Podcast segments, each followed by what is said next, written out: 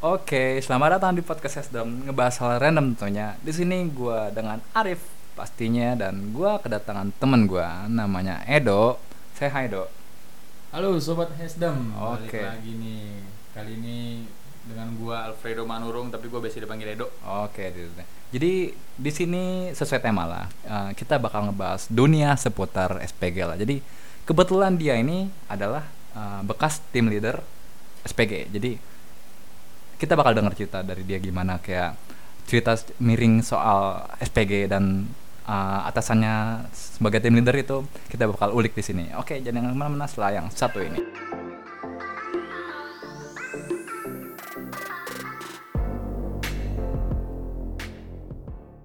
Oke, balik lagi.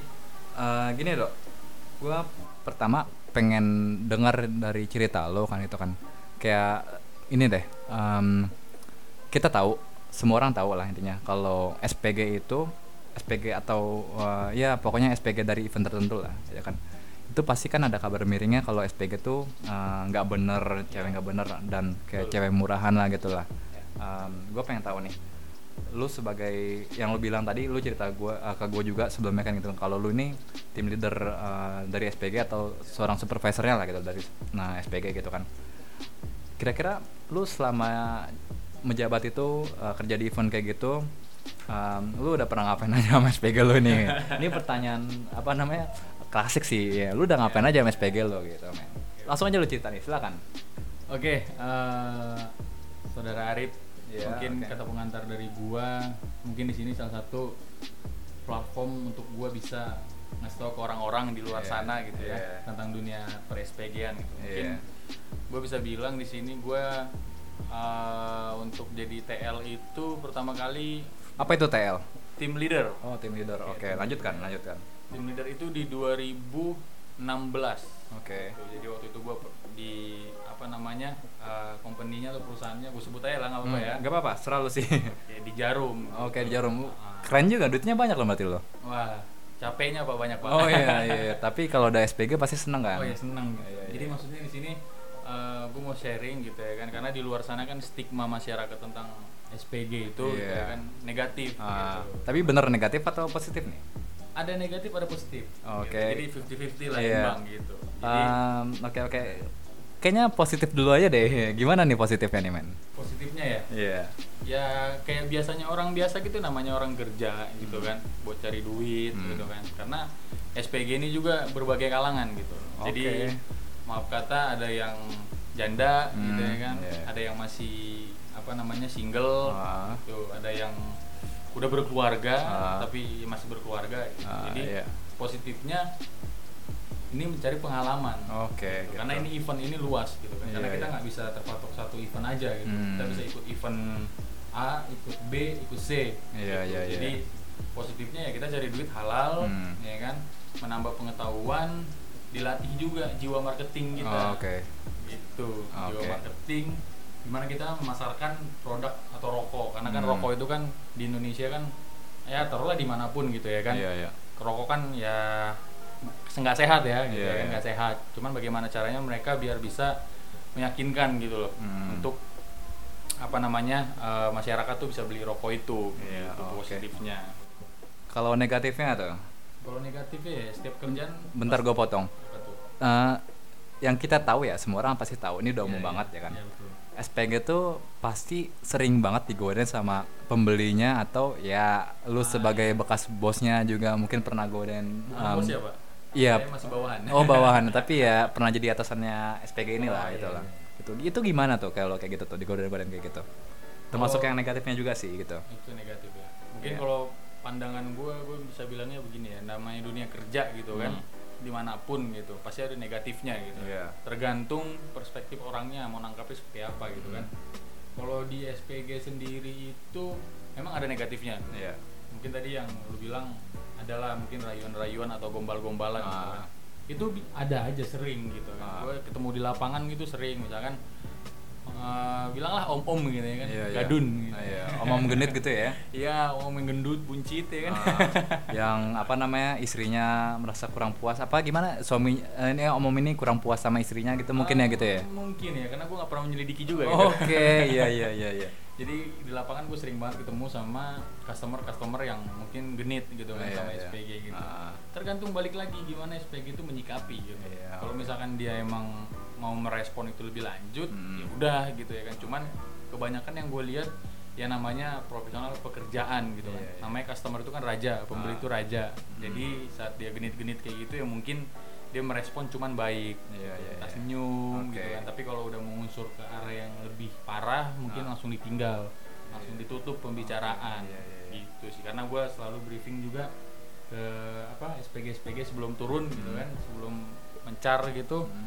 ya kalau misalkan ketemu orang kayak gitu ya santai aja nanggepin ya gitu nanti kalau misalkan emang mau serius ya udah urusan lu di belakang gitu. yang penting gue dapat komisi nggak nggak bercanda Jadi intinya pasti ada lah kan gitu kan yang apa Iya, namanya nggak menutup kemungkinan juga untuk para SPG nih ya ya untuk lebih lanjut lagi kalau Ya, soal betul. tanda kutip begituan gitu kan dan begituan apa ya pak iya ngelobi atau apa kan itu kan Oh, itu iya, itu iya. urusan mereka lah itu kan balik lagi ke uh, masing-masing gitu kan dan em, kira-kira kalau dari lu ini nih uh, SPG ini em, apa namanya termasuk orang yang susah diatur atau gimana apa maksudnya ya gua nggak tahu sih mungkin ya. iya gitu uh, malas kerja gitu iya, capek gimana gitu iya Nah, itu sih sering banget ya gue alamin gitu ya kan. Apalagi kalau lagi cuaca, misalkan gue mobile di siang gitu. Wah itu rewelnya bukan main itu namanya cewek kan. Udah make upan, udah secantik mungkin gitu kan. Tiba-tiba turun panas-panasan, luntur, ya kan. Pasti bau panas matahari.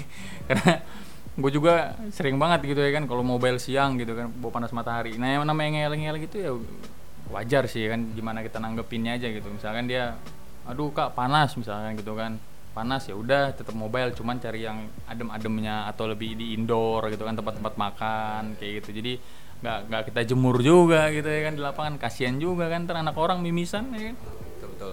Em, oke itu set- uh, ada lagi sih pertanyaan gue sih. Jadi gini kalau yang kita tahu ya SPG atau lu sebagai tim leader gitu kan pasti kayak apa namanya ngejar target lah gitu kan gitu.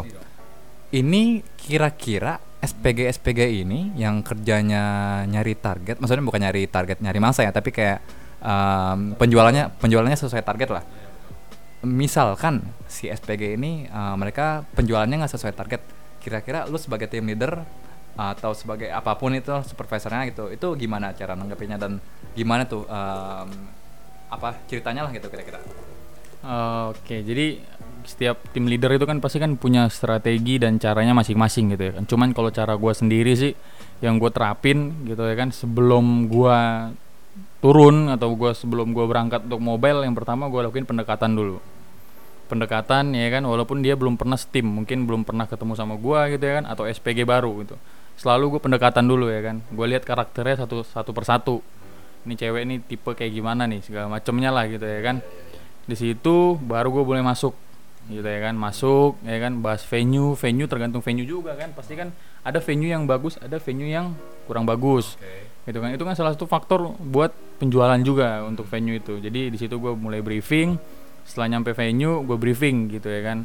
Karena kita memang punya target juga punya target. Gue jelasin target kita sekian gitu. Jadi bukan untuk target individu tapi untuk satu tim gitu ya kan. Gue mengantisipasinya ya selalu gue kontrol. Itu yang kedua ya kan. Gue kontrol penjualannya setiap 30 menit gitu. Setiap 30 menit.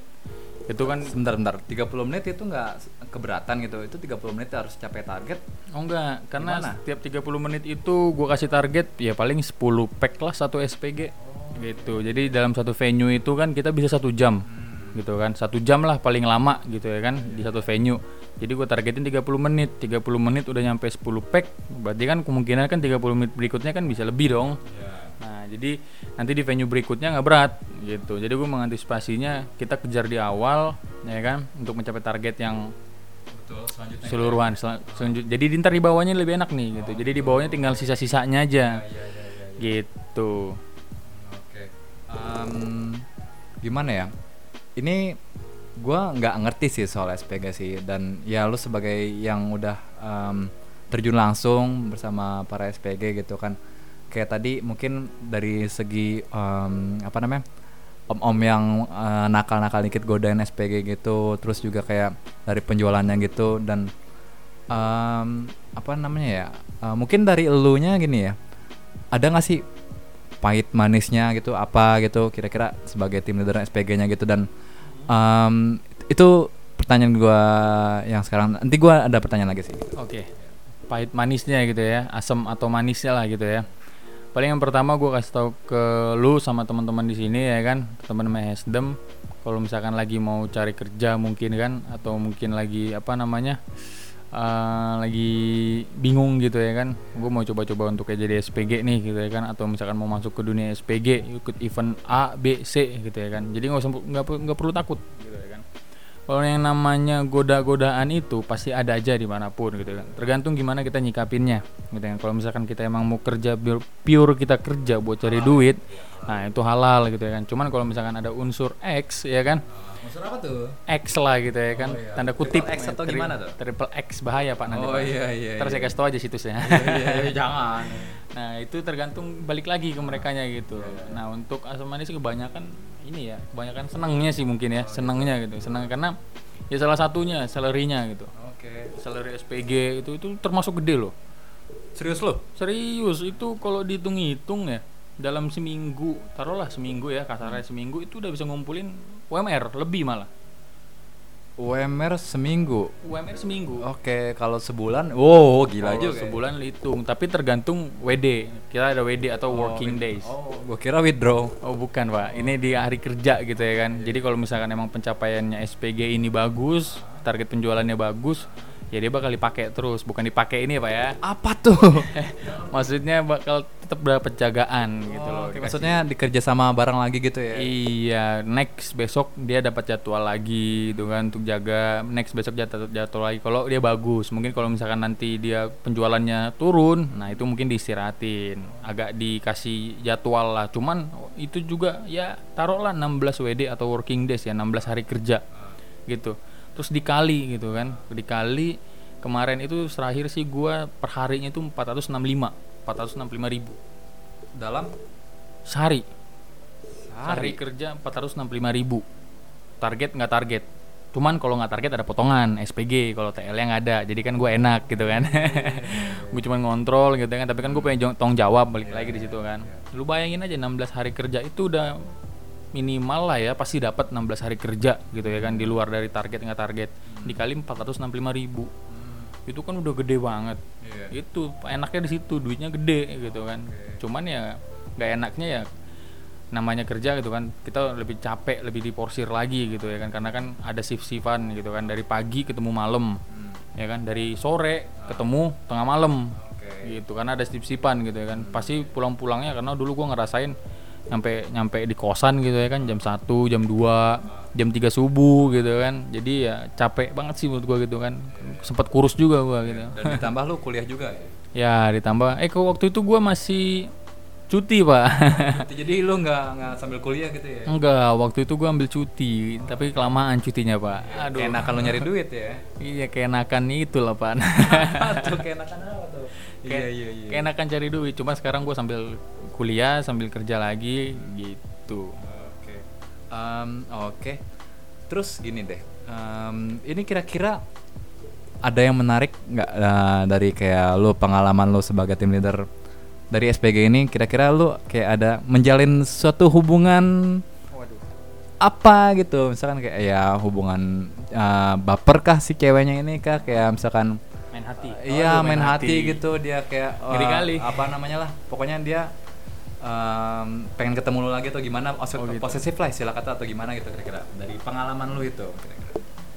waktu pengalaman gua jadi ini jadi TL dulu ya jadi tim leader dulu. Ya namanya apa namanya? Ya kita berbaur setiap hari di dunianya cewek-cewek gitu ya kan karena cuman satu laki-laki ya kan? Jadi komposisinya itu satu TL. laki-lakinya lo doang apa gimana? Iya gua doang. Jadi dalam satu tim itu laki-laki gua doang sisanya 4 SPG lu lu bayangin tuh lu seharian ya kan sama mereka. Oke. Gitu ya kan ya namanya rasa suka gitu kan pasti ada. Cuman kalau gua kan dulu dulu ya kalau gua kan dulu kan profesional. Kalau gua kan terkenalnya kan cool. Kulkas. Lu yakin? Iya iya. Jadi dulu gua terkenalnya cool, gitu ya kan. Jadi gua nggak su- nggak nggak yang cari-cari perhatian yang nggak menye-menye. Kalau gue kerja ada kerja ya kerja gitu. Tapi kalau misalkan memang ada yang gue incar nah itu di belakang pak. Gitu. Iya, kita nggak pernah tahu gimana tuh ya. Itu pribadinya Edo aja lah itu. itu itu rahasia dapur pak. Nanti kalau misalkan diomongin di sini kontennya udah beda dong jalurnya. Oh, iya iya iya. Nanti kita bikin konten satu lagi gitu ya. Nah ini konten tertentu lagi. Nanti kalau gue buka semua ya kan siapa tahu SPG gue denger.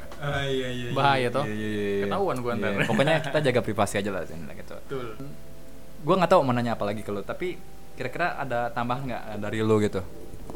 Tambahan gitu ya. Oh mungkin pas inilah ya mungkin menyambung tadi pertanyaan yang tadi aja ya. Gua di dunia rokok itu tergolong singkat sih ya. Jadi awalnya gue jadi tim leader gitu kan. Tim leader eh, ikut event beberapa kali ya kalau nggak salah. Gue itu event tiga kali. Setelah itu gue reguler reguler itu itu tadi yang benar-benar kita kerja tuh setiap hari. Atau mungkin kalau misalkan ada libur gitu ya kan nah itu reguler. Kalau event kan paling event beberapa minggu aja gitu kan. Seminggu paling lama atau event PRJ lah paling paling paling paling paling lama tuh sebulan PRJ ya kan. Nah setelah itu ya gue naik langsung. Karena kan ya mungkin dari prestasi lah kali ya ya. Mungkin dinilainya dari prestasi kali. Mungkin dilihat nih waduh nih TL ini ada ada ada prospek lebih bagus nih gitu ya kan. Bukan sombong pak ya? Iya boleh bukan sombong gitu ya kan. Sombong sih juga nggak apa-apa sih. Jadi saat itu gue jadi TL sekitar enam bulan kalau nggak salah ya. Enam bulan enam bulan kalau nggak salah. Gue udah lupa agak-agak lupa juga. Di situ gue langsung ditawarin untuk naik jadi area koordinator atau arko gitu. Oke menarik juga tuh naik jabatan iya naik jabatan pak saya pak. Padahal belum ada S1 gitu kan. Belum ada ijazah gitu ya kan tapi saya bisa naik pangkat gitu ya kan. Agak awalnya kaget juga gitu.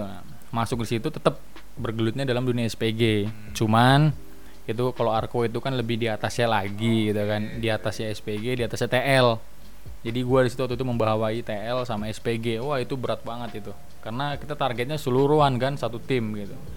Satu waktu itu gue pegang daerah Tangerang. Tangerang Selatan Tangerang Kota. Gue pegang tujuh tim. Bayangin aja lah pak tujuh tim gitu kan. Tujuh tim berarti tujuh kali lima. Tujuh kali lima. Tiga lima tuh 35 orang yang gue handle ya kan untuk targetnya per hari dan per bulan gitu. Itu pusingnya gitu ya kan. Ya banyak lah gitu ya kan. Nah tapi di salah satu sisi apa namanya satu keenakannya jadi arko ini lebih gampang pak. Apa tuh gampangnya tuh? Soal lobby melobi. Apa tuh lobby lobby apa itu?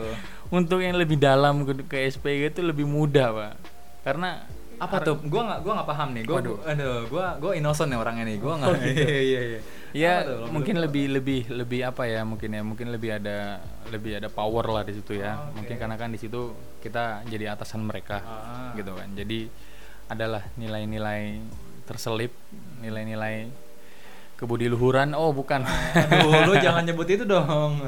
Jadi ingat sesuatu gua nih jadi ada ibaratnya nilai plus lah kita sebagai atasan mereka gitu kan. Pendekatan kita ke mereka lebih enak Iya, iya, gitu kan. Karena kan kita kan menaungi mereka gitu kan. Hmm. jadi untuk soal lebih melobi lebih cepat gitu pak. Kalau misalnya kita mau kalau mau. Cuman kan di sini kan gue tetap profesional kerja ya kan. Saat jam kerja gue kerja saat udah selesai jam kerja baru gue gerakan bawah tanah pak.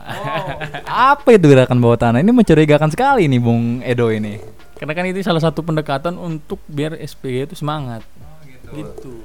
Eh, berupa apakah itu? Berupa eh, janji-janji manismu kah? Atau eh, berupa eh, dinner mewah kah sama SPG atau apa pun itu gua nggak ngerti. Gimana tuh? Kalau bicara janji-janji manis, saya nggak seperti anggota DPR yang suka menebar janji-janji manis, Pak ya. Anjay, iya ya itu yang si yang di gedung hijau itu ya. Waduh, kalau itu saya nggak tahu, Pak. Aduh, jadi ya mungkin lebih apa ya? Maksudnya lebih kita tuh lebih punya punya punya punya di situ atau punya power atau punya punya punya ya bukan kekuasaan ya apa ya bahasa aduh bahasa bagusnya tuh kita punya keleluasaan gitu ya kan karena kan- semena-mena gitu. Oh bukan semena-mena pak. kita ya dulu gue semena-mena juga sih. Iya, iya, iya. target harus target gitu ya Iya. kan. Satu hari harus target semua wajib itu wajib gitu kan.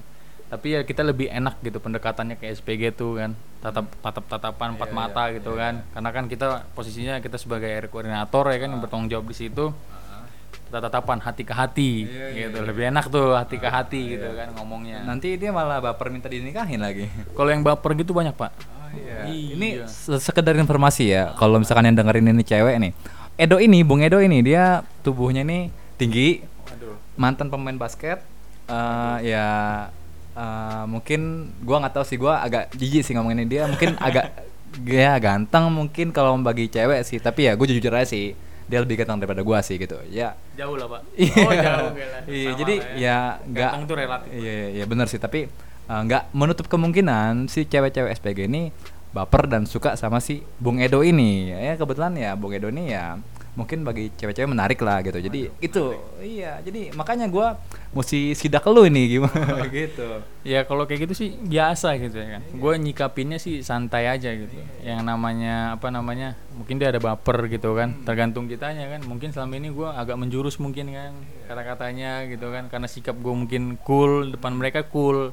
Cuman kalau teman-teman kantor gue udah nyablak gitu aja kan. Oke, nyablak receh gimana gitu. tuh? Receh biasa. Bercanda. Kayak orang-orang di luar aja gitu ya kan. Canda gokil-gokilan gitu. Cuman kalau depan mereka Oh iya iya iya. gue pasang image gitu Ah, karena menurut iya, gue iya, menurut gue iya. itu tuh Buat perlu ya, ya gitu ya, iya. itu menurut gue sih perlu gitu ya kan Hmm. nggak mungkin juga kita kayak menye menye depan mereka oh ntar diinjak injak pak Oh betul. Jadi uh, balik lagi nanti efek ke SPG-nya itu pas lagi jam kerja gitu ya Yes. gitu ya. nanti kita malah ditipu-tipu kan Hmm. ibaratnya gue udah ngerasain sebelumnya jadi TL gue mau ditipu kan malu pak.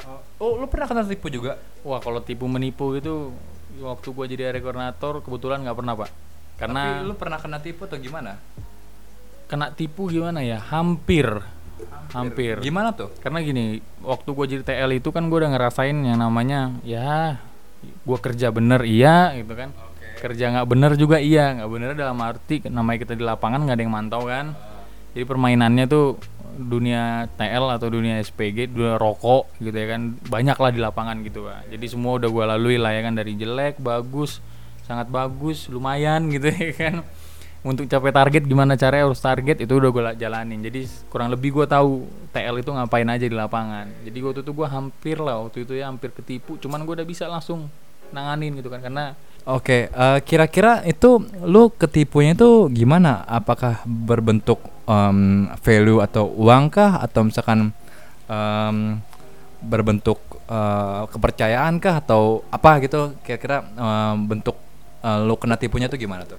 jadi kalau kita bilang tipu tuh terlalu apa ya terlalu ya terlalu luas. Mungkin dikelabuhi lah ya mungkin dikelabuhi lah gitu dikelabuhi gitu.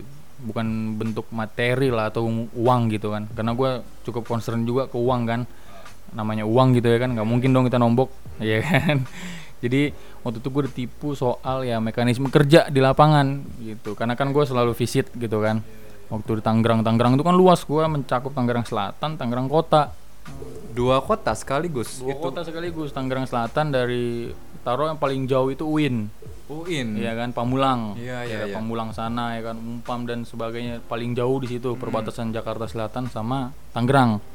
Dari situ ujungnya lagi ketemu Tangerang Kota ujungnya di mana? Di Jatiuwung Daerah mana tuh gue nggak tahu tuh. oh, lu orang Tangerang bukan sih?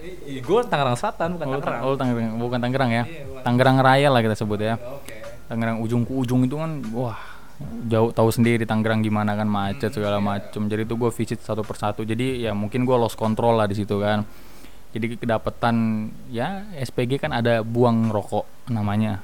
Bahasa halusnya iya buang rokok ke agen atau ke orang-orang yang mau nampung rokok gitu kan. Jadi dia buang rokok karena yang informasinya apa namanya informasi masuk ke gue tuh cepet gitu. Karena kan adalah beberapa mata-mata kan wis gila mata-mata nggak tuh udah kayak detektif ya. Spy, spy. James Bond ya. Yo, gitu ya kan. Karena gue udah nyiapin gitu ya kan. Ada kamera di, di mobil Jadi dia tahu ngapain aja sampai pulang ya kan. Di mobil tuh ngapain aja gue tahu. Waduh, termasuk dia eh eh eh, eh. ya termasuk kayak gitu ya. Bau-baunya kecium pak. Kalau dia mainnya jorok, ke mana-mana ntar. jadi gitu. Jadi gue pernah sekali doang sih. Setelah itu gue mengantisipasi lagi. Ya kan. Gue ada cara lah kalau di gua gitu kan. Gue buat cara yang di mana ya gue harus share live location. Gitu. Belajar dari pengalaman lah intinya lah. gitu Yes, ya. belajar pengalaman. Jadi tuh mereka tuh harus share live location selama 8 jam full. Jadi kalau misalkan habis gitu kan, mereka share live lagi sampai mereka pulang. Sampai kantor gue suruh share live. Jadi gue bentuk grup ya kan isinya TL semua. Gue suruh dia share live. Jadi biar nggak bisa ke mana-mana tuh. Jadi kalau misalkan dia mau ngebuang, wah ketahuan nih. Di luar jalur ya kan? Wah berarti mau ke mana nih ya kan? Tinggal gua langsung ke sana ke TKP Tapi kan share live location itu kan bisa dimanipulasi atau dibohongin juga kan. nah masalah ini gue pernah juga sekali dua kali berarti gua kena tipu ya. Aduh jadi waktu share live location itu gue dibohongin waktu itu. Jadi gua nggak tahu lah ya kan? Gue pikir share live location ini karena kan udah terbo waktu itu kan terbaru kalau nggak salah ya. Masih baru-baru ini kan ada update WhatsApp untuk share live location gitu kan jadi itu langsung gue gunain. Tau taunya ada aplikasi yang untuk ibaratnya fake lah gitu ya kan fake location gitu. Jadi loke, loke, lokasi itu di situ aja. Mungkin gue nggak nggak nggak nggak ngontrol juga gitu kan. Lokasi di situ terus. Tau tau yang dia udah ngayap ke mana tahu gitu ya kan. Sampai muara-muara angke Jakarta Utara sana gitu. Wah di situ gue cukup ini juga sih ya, maksudnya kayak wah gila gue dua kali dibohongin gitu ya ini eh, SPG ini main belakang gitu ya, Pak. ya? main belakang tahu kayak gitu kan langsung kita ciduk dong ya ciduk nggak tuh ya kan Iya. Itu kalau kayak gitu langsung lukat atau gimana tuh? Atau ada kompensasi em, apa gitu kira-kira? jadi mungkin kalau gue boleh share gitu ya kan mungkin di sini mungkin buat pelajaran yang lain juga mungkin buat mungkin ntar di sini teman-teman sini ada yang jadi TL juga gitu ya kan kalau gue punya cara gitu karena gue selalu bertentangan sama kantor pusatnya.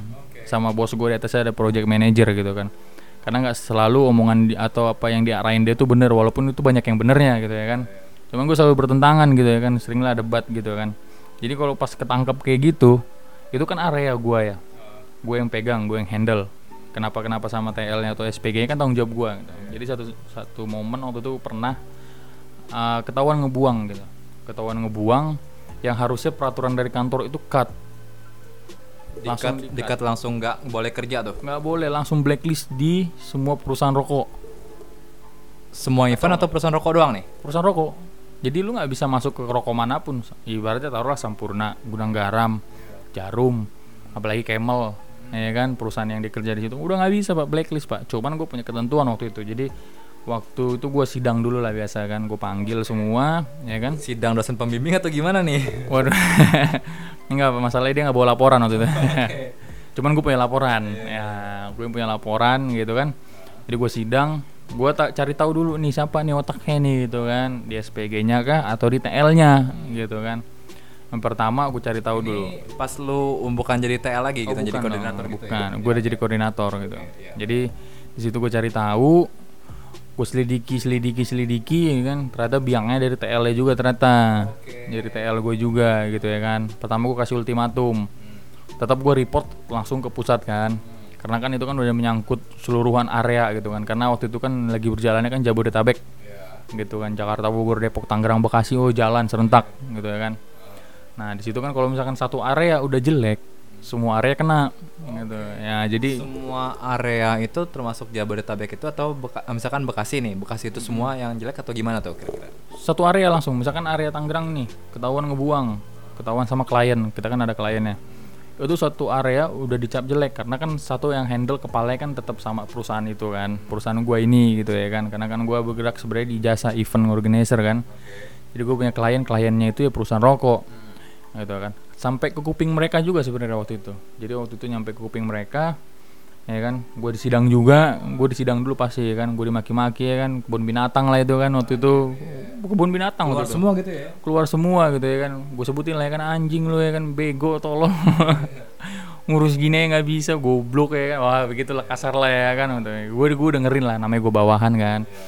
Gue pendem sih sebenarnya itu kan? Dengerin gue dengerin gitu kan biar aja dulu dia ngoceh gitu ya kan. Ya namanya bos kan ngoceh gitu kan. Tapi kan gue punya tanggung jawab. Itu kan bisa gue tanggung jawabin gitu kan. Karena kan gue tetep lah tetep berpegang sama SOP lah gitu ya kan. Tapi kan gue kalau misalkan ada jalur lain namanya orang cari rezeki kan. Nggak mungkin kita matiin gitu aja. Ibaratnya dia baru sekali gitu.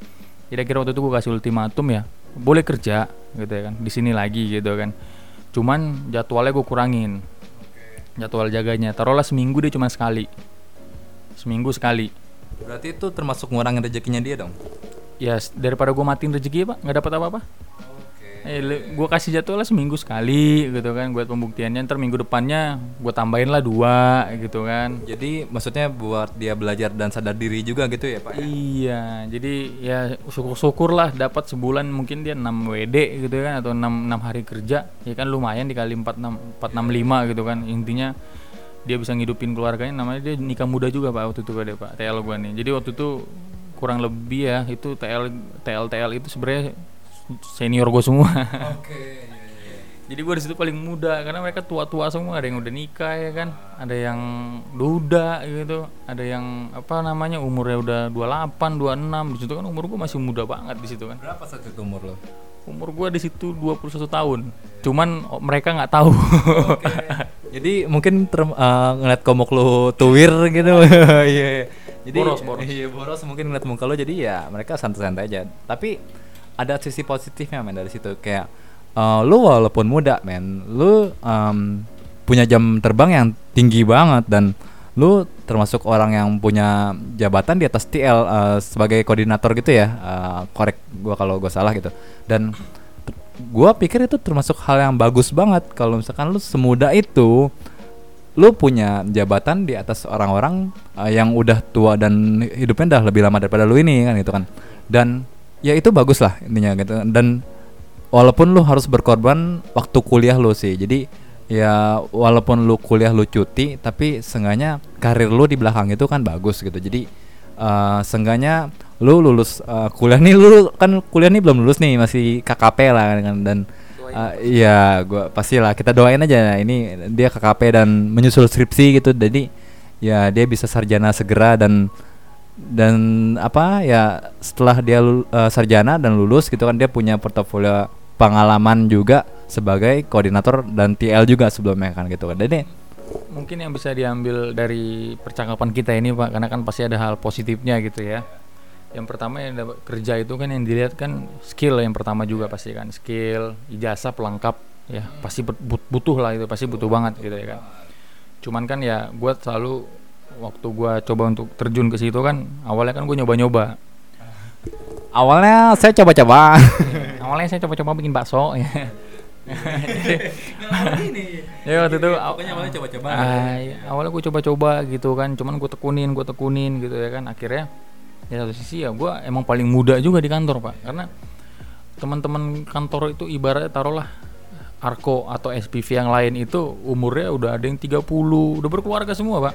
Umur 30 dan itu mereka bekas mantan atasan gue waktu gue jadi TL akhirnya gue sejajar ya kan? Itu kan sejajar gitu kan karena ada sejawat gitu bahasanya lah nah di situ kan ya tetep lah gue tetap sopan santun gitu ya kan. Dia bekas atasan gue kan tiba-tiba gue naik arko sama sederajatnya sama mereka kalau mereka lebih tua gitu kan. Karena gue butuh belajar juga kan. Kira gue di situ belajar tapi ya namanya gue waktu itu menjaga privasi sih sebenarnya pak. Jadi waktu itu gue nggak kasih tahu umur gue berapa sama SPG aja semua lah ya SPG cuman yang tahu orang kantor kan karena kan biodata lah gitu kan. KTP segala macam pasti mereka tahu lah ya kan cuman di- area gue sendiri itu ya itu privacy gue tersendiri gitu ya kan. Jadi tapi yang dengerin ini langsung tahu. Ya nggak apa-apa pak karena kan saya kan udah nggak di situ lagi. Ini berbagi pengalaman. Ya itu tuh paling muda bro umur 21 tahun gitu ya kan. Masih kuliah walaupun waktu itu cuti ya kan. Tapi gue megang atau ibaratnya yang gue handle itu orang-orang tua. Ada yang umur udah 30, 31 paling muda aja di situ kok umurnya 25 ke atas. Itu paling muda Yes, itu TL. Mungkin SPG adalah beberapa yang mungkin umurnya 20, 21, cuman sedikit. Kebanyakan emang udah berumur semua 25, 26. Jadi pernah waktu itu gue mereka karena nggak tahu ya umur gue berapa, karena kan gue mungkin boros juga ya, gede gitu kan. Muka gue boros sekali kan dulu kan. Ya mereka nebak-nebak aja gitu, kan umurnya berapa gitu. Jadi gue dikepoin waktu itu sering banget dikepoin kau umurnya berapa gitu. Iya karena gue beberapa kali kan gue cuma bilang ya masih muda gitu aja gitu ya kan.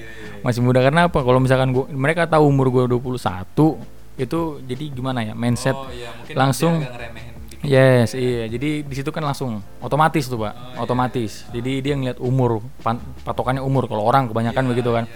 Wah, dia masih muda nih ya kan. Gua ibaratnya ya kasarnya gua tetain lah gitu kan. Ibaratnya ya gua gua main kayak gini-gini dia nggak bakal tahu gitu ya kan. Ya ilah dia masih di bawah umur gua ternyata jauh lagi kan. masih bocah lah Di situ jiwa respeknya, Pak. Asik. Jiwa apa namanya? Jiwa jiwa kebudiluhurannya. Kebudiluhuran. jangan sebut nama itu lagi bong ibaratnya jiwa itu jiwa ini loh jiwa Respectnya lah, respectnya itu bakal turun itu otomatis gitu itu gue jaga banget selama gue di situ jadi selama setahun gue jadi area koordinator orang-orang nggak ada yang tahu SPG mungkin adalah beberapa SPG ya. Karena SPG yang gua itu pun yang jadi SPG gue juga waktu gue jadi TL gitu. Ya, mungkin mereka cari tahu di kantor karena kan mungkin ada kenal segala macam gitu. Adalah beberapa yang tahu umur gue masih 21 gitu ya kan. Cuman kan kebanyakan nggak tahu gitu kan. Gue menjaga itu supaya mereka nggak semena-mena kan. Jadi jadi gue tetap gitu ya kan namanya kerja profesional gitu ya kan yang gue depin orang-orang berumur ya kan sebenarnya senior gue di atas jauh ya kan ya gue nggak peduli lah gitu ya kan. Jadi kerja bener ya. bagus ya kan nggak bener ya gue sikat gitu. Jadi begitu pak. Jadi ya kurang lebih enak lah gitu ya kan. Jadi apa namanya di dunia dunia rokok gitu. Cuman buat sekarang sih gue kayaknya nggak mau balik lagi deh. Nggak mau nggak tertarik lagi kayak udah cukup udah cukup lah gitu ya kan. Ya. Pengalaman cukup gue mau coba yang hal yang baru lagi gitu. Cuman ya kesimpulannya kan ya namanya dunia SPG gitu kan dunia per SPG atau dunia rokok lah. Karena waktu itu waktu itu satu momen ada orang tua dari SPG itu gue waktu itu masih masih koordinator masih area koordinator di situ ya kan. Di situ gue dilabrak bang Dilabrak gimana tuh? baru pertama kali gue dilabrak sama ibu-ibu ya kan. Kalau diocen sama mama kan biasa ya kan. Gue diocen juga sama mak gue kan gitu cuma gue dilabrak langsung gitu gara-gara anaknya ikut S- apa namanya masuk ya kerja di dunia SPG gitu. Terus sih dia datang ke kantor waktu itu. Datang ke kantor itu ada dua dua apa tiga kali gitu ya kan. Tapi yang datang ke kantor itu cuma sekali. Selebihnya by by WhatsApp waktu itu kan. Jadi ibaratnya dia nggak setuju anaknya masuk uh, kerja di situ. Iya, jadi SPG gitu kan. Pertama gue tanya gitu kan kenapa gitu. Kata dia ya ya tau lah SPG kan nggak bener kata gitu kan. Itu cewek-cewek nggak bener gitu gampangan tersewa sama gitu ya disewa sama om om gitu ya kan. Gitu ya. iya di, di inilah segala macam pokoknya wah, keluar lah itu ya kan nggak bener gitu. Cuman kan waktu itu kan situ kan gue meluruskan gitu kan. Ya yang kita sih nggak memaksa gue jawab waktu itu kan. Kita kan nggak memaksa anaknya untuk kerja di tempat kita gitu kan. Cuman kan anaknya yang mau gitu. Cuman kalau masalah itu kan ya ada yang negatif ada positif bu. Itu kan gue jawabnya seperti kayak gitu lah. Cuman tetap, tetap kekeh kan nggak nggak boleh anak saya kalau bisa keluarin aja kata dia gitu. Kan anak saya keluarin aja ya udah. Di situ kan gue nggak nggak nggak langsung cut main cut gitu aja dong. Gue tanya lagi ke anaknya gitu. Eh kayak SPG-nya gitu gue tanya lagi gimana lu masih kerja di sini atau enggak gitu karena orang tuanya kan udah udah datang gitu kan. Ya dia juga disuruh keluar gitu ya kan ya. Gue kasih pilihan gitu ya kan. Kalau masih mau kerja ya lanjut. Nanti gue tanggung jawab gitu ya kan. Kalau misalkan emang nggak mau kerja ya udah cari yang lain gitu. Tapi waktu itu satu sisinya akhirnya nggak jadi pak. Nggak jadi nggak jadi nggak jadi kerja di situ. Ya udah nggak boleh. Oke. ntar dikeluar dari kakak bahaya. Nggak dianggap anak ya. dicoret ntar dari kakak ya kan. Ya kayak gitulah pengalaman pengalaman kayak gitu. Mungkin ya Gak banyak yang tahu lah. ya nggak banyak yang tahu gitu orang di luar sana tuh sebenarnya dunia SPG jadi biar orang tuh nggak memandang buruk gitu loh sebenarnya dunia SPG atau dunia rokok taruhlah rokok ya karena lebih identiknya kan rokok ya SPG SPG rokok kan cantik seksi gitu. Yang beli cowok. yang beli cowok ya kan cewek sedikit gitu ya kan. Dan pakaiannya ya tahu sendiri lah pak ya Pa- pakai dress gitu. Itu sebenarnya bukan negatif sih sebenarnya itu sebenarnya kan namanya daya tarik ya. Itu kan salah satu daya tarik. juga. Iya, bukan memperjual martabat gitu ya atau cewek, bukan menjual tubuh cewek, bukan. Itu daya tarik sebenarnya. Itu salah satu teknik marketing dari rokok dari dulu. Iya, dan nggak cuma SPG rokok doang, tapi juga eh, misalkan kalau ya kita tahu lah kalau yang kerja di iya, yang kerja di kantor juga kalau misalkan yang punya marketing juga kan nyari-nyari klien, nyari-nyari customer segala macam pasti kan yang paling dicari adalah cewek cantik. Maksudnya kita nggak menutup mata lah, kita nggak menutup telinga gitu. Yang jelas Daya pasti jual. iya daya jual gitu dan itu juga termasuk eh, apa namanya nilai jual buat ya termasuk nilai bonus lah. nil- eh, jadi gajinya dan ya duit tambahan bonusnya segala macam itu dapat langsung di ceweknya itu gitu. Jadi eh, positifnya adalah ya si cewek ini juga kebantu dalam segi ekonominya juga kan itu kan dan ya kita pokoknya apa namanya ada positifnya lah jelas pasti ini kan gitu kan nggak cuma serta merta menjual tubuh kan gitu kan yang kan doa kan dan ya Ada kriteria juga pak. Jadi SPG itu ada kriterianya lah tinggi lah. Misalkan mungkin contoh ya gue kasih tahu untuk kriterianya cewek tinggi 167 minimal 167 gitu kan. Badan langsing ya kalau misalkan yang badannya gede gitu maksudnya berlebihan beratnya ya kan? Taruhlah halusnya ya kan? Berat badannya lebih dari ideal gitu.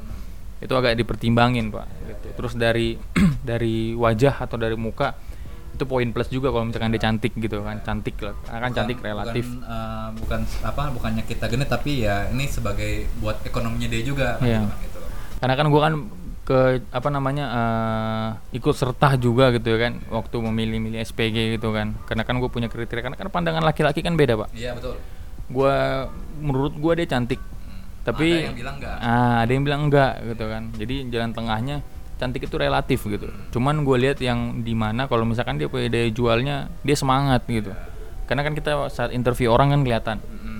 mana yang benar-benar serius untuk kerja gitu ya kan. Taruhlah mukanya ya cantik iya gitu kan manis itu atau mungkin pas bukan pas-pasan kasar banget ya. Iya. Ya Oke lah, ibaratnya oke oke lah. lah. gitu Iya, ya kan masih pan- enak dilihat. Iya, Nah, betul. nggak bosan. Kalau cantik kan ya bosan pak. Iya betul. Iya kan kalau cantik cantiknya bentar doang minggu depan udah. Iya kusut lah.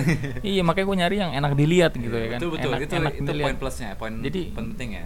jadi nggak nggak nggak serta merta harus cantik gitu. Jadi banyak yang minder gitu waktu itu ya kan. Aduh kak aku nggak cantik gitu ya. Iya, aku nggak tinggi. Tinggi ya 160 masih bisa lah asal jangan 150 lah ya oke kalau ter- sih. kalau terlalu kontet Iya. terlalu pendek bahaya juga gitu kan Iya, iya, iya. Ya, kayak gitu jadi sebenarnya dunia dunia dunia rokok atau dunia SPG ini nggak seburuk apa yang dikira masyarakat luas di sana gitu ya kan mungkin perspektif mereka kayak gitu ya tapi kan nggak semuanya perspektif orang gitu karena kan beda-beda Iya, kan beda-beda lah. Kita kan nggak boleh maksain juga pandangan dia atau perspektif dia harus sama kayak kita gitu kan. Yang penting kan yang yang gua tahu selama gua di sana selama 2 tahun ya ada buruknya, ada enggaknya ya. Di kantor pun ada yang negatif, ada enggak, Pak? Iya kan? Pasti jelas Gitu. Jadi biar teman-teman di sini nih nggak takut gitu ya kan. Siapa tahu nanti ya mau ikut event namanya masih kampus, namanya kan masih kuliah gitu kan. Kuliah kan pasti nyari-nyari event, pasti kan duit lah nyari duit-duit tambahan gitu kan banyak event-event taruhlah Jacklot atau Jakarta Fair gitu kan atau event-event synchronize dan segala macamnya itu ya kan. Dan dia kebetulan mungkin nyari duit itu buat ada buka untuk SPG gitu kan. Jadi nggak perlu takut gitu loh. Kalau misalkan emang selagi kita nyari duitnya bener ya ya walau alam gitu ya kan. Ya itu itu apa namanya? Halal itu Ya, yang eh walau alam apa pak? Iya iya betul betul Betul. Ya, betul ya. Ya, Kurang tahu ntar saya salah lagi Pak ya kan. Di demo diciduk ntar. gak apa nggak ada yang tahu ini jadi begitu. Jadi biar pandangannya mungkin orang di luar sana ngelihat SPG itu buruk gitu kan. Cuman kalau kita terjun ke dalamnya Kita itu gitu. nggak seperti apa yang orang kira gitu. Jadi yang namanya kerja selagi kita positif kita bakal mendapatkan hal yang positif anjay keren banget kata-kata gue ya bisa kali dikutip nanti Iya boleh boleh boleh.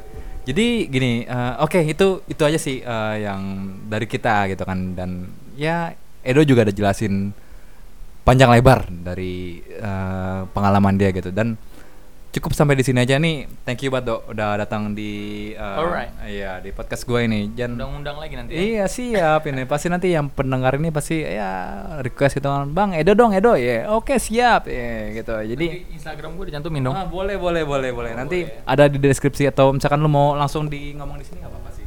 Oh mungkin kalau misalkan ada yang penasaran, kalau ada tapi kayaknya nggak ada yang penasaran pak kayaknya. Mungkin bisa langsung nyari Alfredo Manurung di Instagramnya ya kan. Follow aja nanti DM ya kan biar di follow back. Siap. Oke, siap. Oke, sekali lagi thank you banget, Dok, udah datang di podcast gua. Gue juga thank you banget nih gue diundang gitu Iya, ya. kan. iya, iya.